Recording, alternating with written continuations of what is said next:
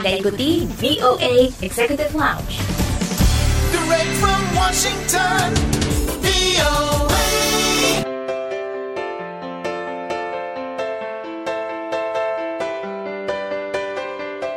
Hai, ketemu lagi bersama saya Dania Iman dalam VOA Executive Lounge, tempat kita berbagi cerita dan inspirasi bersama diaspora Indonesia yang tinggal di berbagai negara.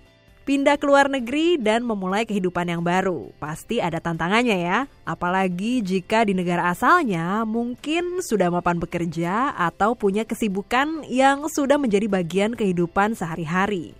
Belum lama ini saya berkenalan dengan warga Indonesia. Dia bernama Alessia Weintraub yang baru saja pindah ke Washington DC kira-kira mungkin kurang dari satu tahun.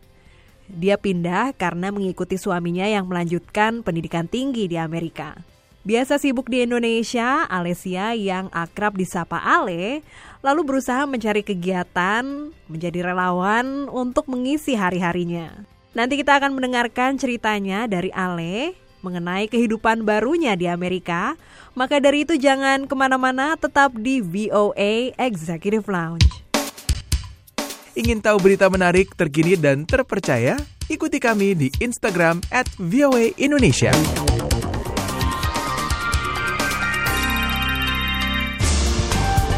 Dari Washington DC, inilah VOA Executive Lounge.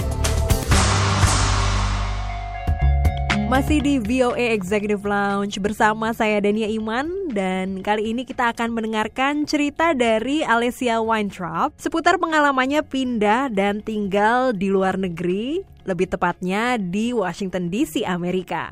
Kadang-kadang banyak ya yang mengalami culture shock atau juga mungkin homesick karena jauh dari keluarga dan teman-teman. Tapi inilah obrolan saya dengan Alessia Weintraub.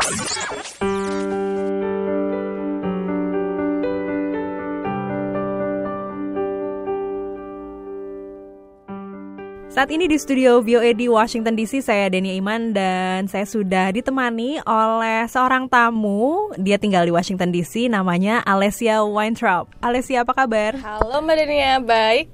kabar baik Mbak Denia, apa kabar? Baik, terima kasih sekali atas waktunya untuk datang ke studio VOA di Washington DC. Nah, Ale ya disapanya ya? Ale, Ale ya. Oke, dalam rangka apa waktu itu pindah ke Amerika? Dalam rangka menikah, diculik suami. Oh gitu. Jadi emang uh, suami berasal dari Amerika ya. Jadi makanya Iya. ikut ke Washington DC gitu. Mm-mm. Oke. Dan sekarang kegiatannya apa aja dong nih?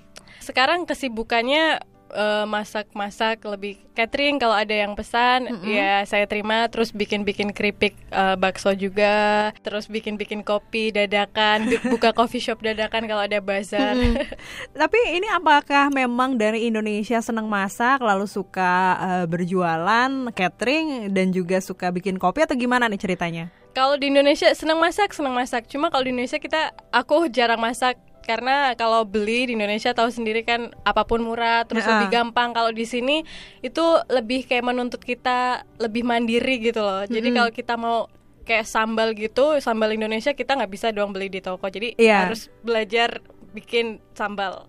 Oh gitu ya. Jadi memang secara nggak langsung karena sudah tinggal di Amerika apa-apa serba sendiri, susah menemukan yang diinginkan ya udah jadinya istilahnya terpaksa gitu ya. terpaksa ya.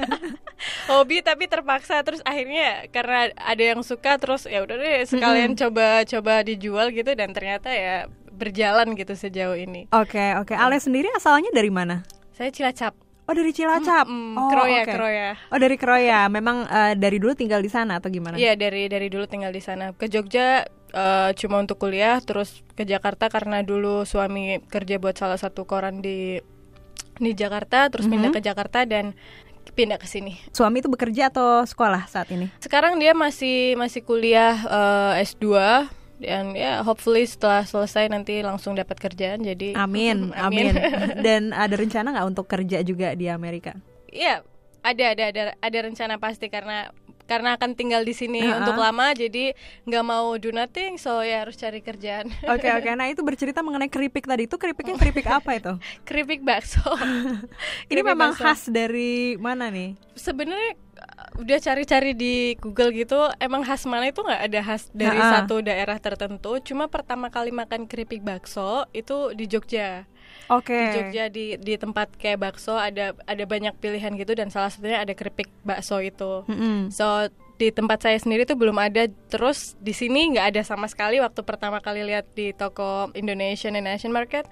Terus ya udah coba bikin dan gagal berkali-kali. Setelah itu bisa dan so ya dijual. Terus suami seneng nggak sama makanan Indonesia? Dia seneng banget. Kita hampir setiap hari makan makanan Indonesia. Oh gitu. Iya. Jadi seneng dong ya kamu juga masak bisa makanan eh, makan makanan Indonesia juga dan suami juga secara nggak langsung makan Indonesia makan juga. Indonesia juga betul. Oke. Dan untuk mengisi kesibukan apalagi nih kegiatan kamu selain tadi ya masak-masak, lalu juga ikutan kopi. Saya eh, jadi salah satu volunteer di Rumah Indonesia DC, Washington DC. Jadi kayak ngajarin bahasa Indonesia ke anak-anak yang orang tuanya kayak yang satu Amerika, yang satu Indonesia atau yang dua-duanya orang ya, orang tuanya semua orang Indonesia tapi anaknya lahir di Amerika dan nggak terlalu bisa bahasa Indonesia. Jadi kita belajar bareng istilahnya belajar bahasa Indonesia di Rumah Indonesia. Kenapa waktu itu tertarik untuk jadi relawan di organisasi ini? Emang dari dulu suka anak kecil sih itu yang pertama. Terus yang kedua juga waktu baru pertama kali pindah ke sini selain eh, belum punya izin kerja dan nggak bisa kerja, jadi nggak ada kegiatan. So daripada eh, bosan di di dalam apartemen terus, jadi so ya kita kita kenapa kita nggak kayak do something yang berguna atau bermanfaat buat orang-orang sekitar. Gitu ya. Terus suka dukanya apa tuh mengajarkan bahasa untuk anak-anak?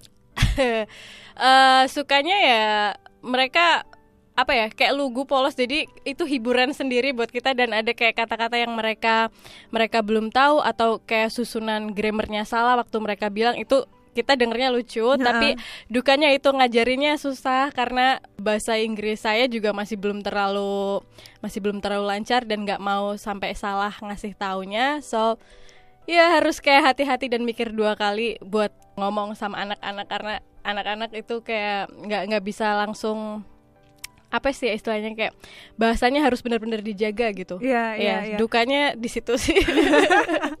Tapi sudah pernah mengajar belum sebelumnya waktu dulu? Enggak, sebelumnya belum pernah mengajar tapi saya pernah ikut salah satu program namanya Au Pair kalau pernah. Iya. Nah, ya.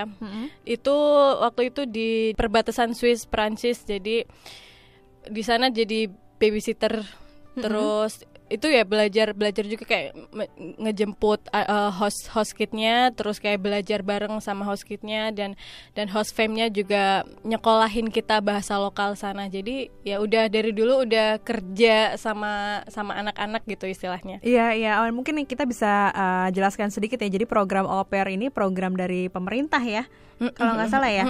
Pemerintah yang mengajak para pekerja internasional ya untuk mendatangkan mereka ke berbagai negara berbagai untuk negara. mengasuh anak gitu ya. Jadi selain kita kerja istilahnya tapi nggak nggak yang begitu kerja. Jadi di oper ini ada ada kayak maksimum kerjanya misal satu minggu berapa jam misalnya tergantung negara bagian sih beda-beda. Jadi selain kita kerja kita juga bisa traveling. Maksudnya setiap weekend nanti kita libur dan kita bisa kayak bisa kayak ke mana pun kita mau gitu liburan liburan ke mana pun kita mau. Terus hari Senin kita ya balik lagi ke host fam kita gitu. Iya, iya. Jadi ini seperti kayak belajar budaya juga ya. Iya betul betul. betul. Oh oke, itu dari Indonesia ternyata ada juga ya Ada. yang mengikuti per- eh, ada ada program itu ya. ada ada banyak biasanya dari Indonesia banyaknya ke kayak negara Eropa kayak Prancis terus Hmm, lebih banyak di Prancis sih setahu saya karena Oke. lebih gampang juga untuk ke sana Oh jadi emang nggak boleh milih negaranya atau boleh? boleh boleh boleh milih. Jadi nanti kayak ada ada profil yang kita kayak kayak match gitu loh sama sama host famnya nanti ada kayak berbagai apa sih filter gitu. Biar biar kita cari biar kita mendapatkan host fam yang kita mau. Begitupun host famnya mendapatkan kayak babysitter yang mereka mau dan yang terbaik buat anak mereka. Terus nanti kalau misalkan udah match ya udah kita nanti eh, kontak sama sama host famnya kalau cocok nanti mereka biasanya akan ada interview apa via Skype atau tergantung apa nanti.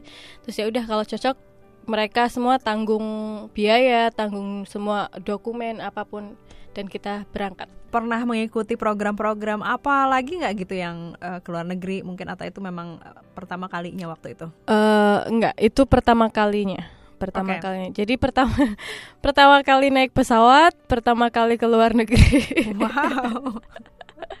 ya, Waktu itu kenapa eh, memutuskan untuk ikut program au pair itu? karena ada kesempatan sih, karena ada kesempatan terus kenapa nggak diambil gitu kan? Itu kesempatan bagus dan dan akan mendapatkan pengalaman yang bagus juga. So ya, kenapa nggak diambil? Iya, Ya. iya, iya. Terus waktu di eh, kuliah di Jogja ya waktu Kuliah itu di ya. Jogja, kuliah ya. waktu itu ngambil apa?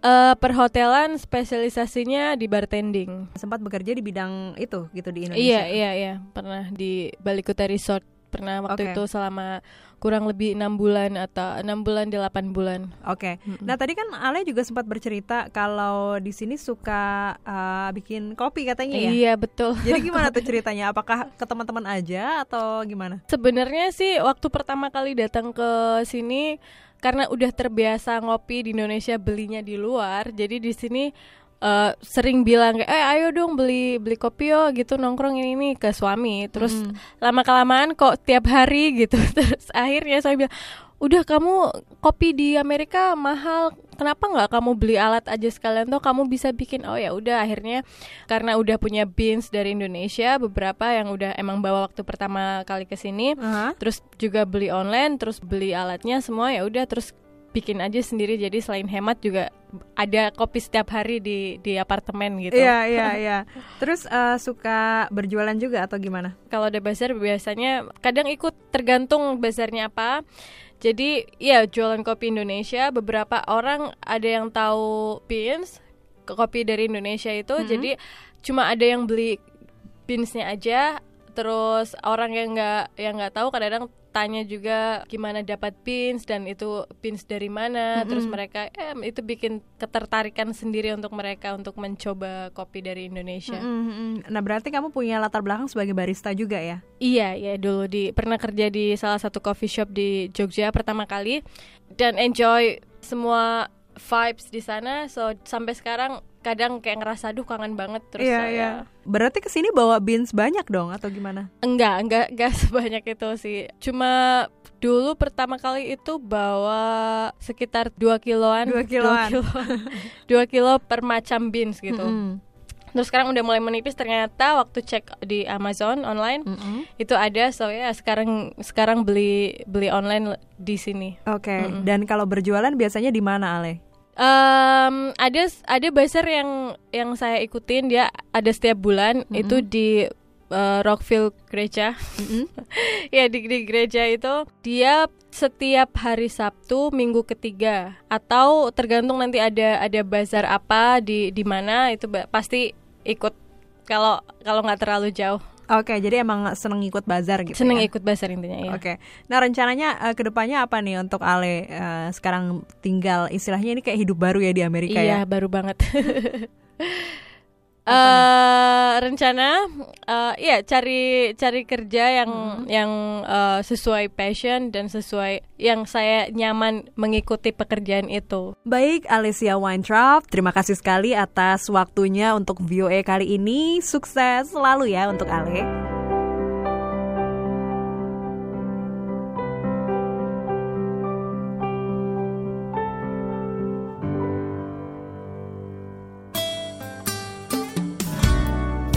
Voice of America.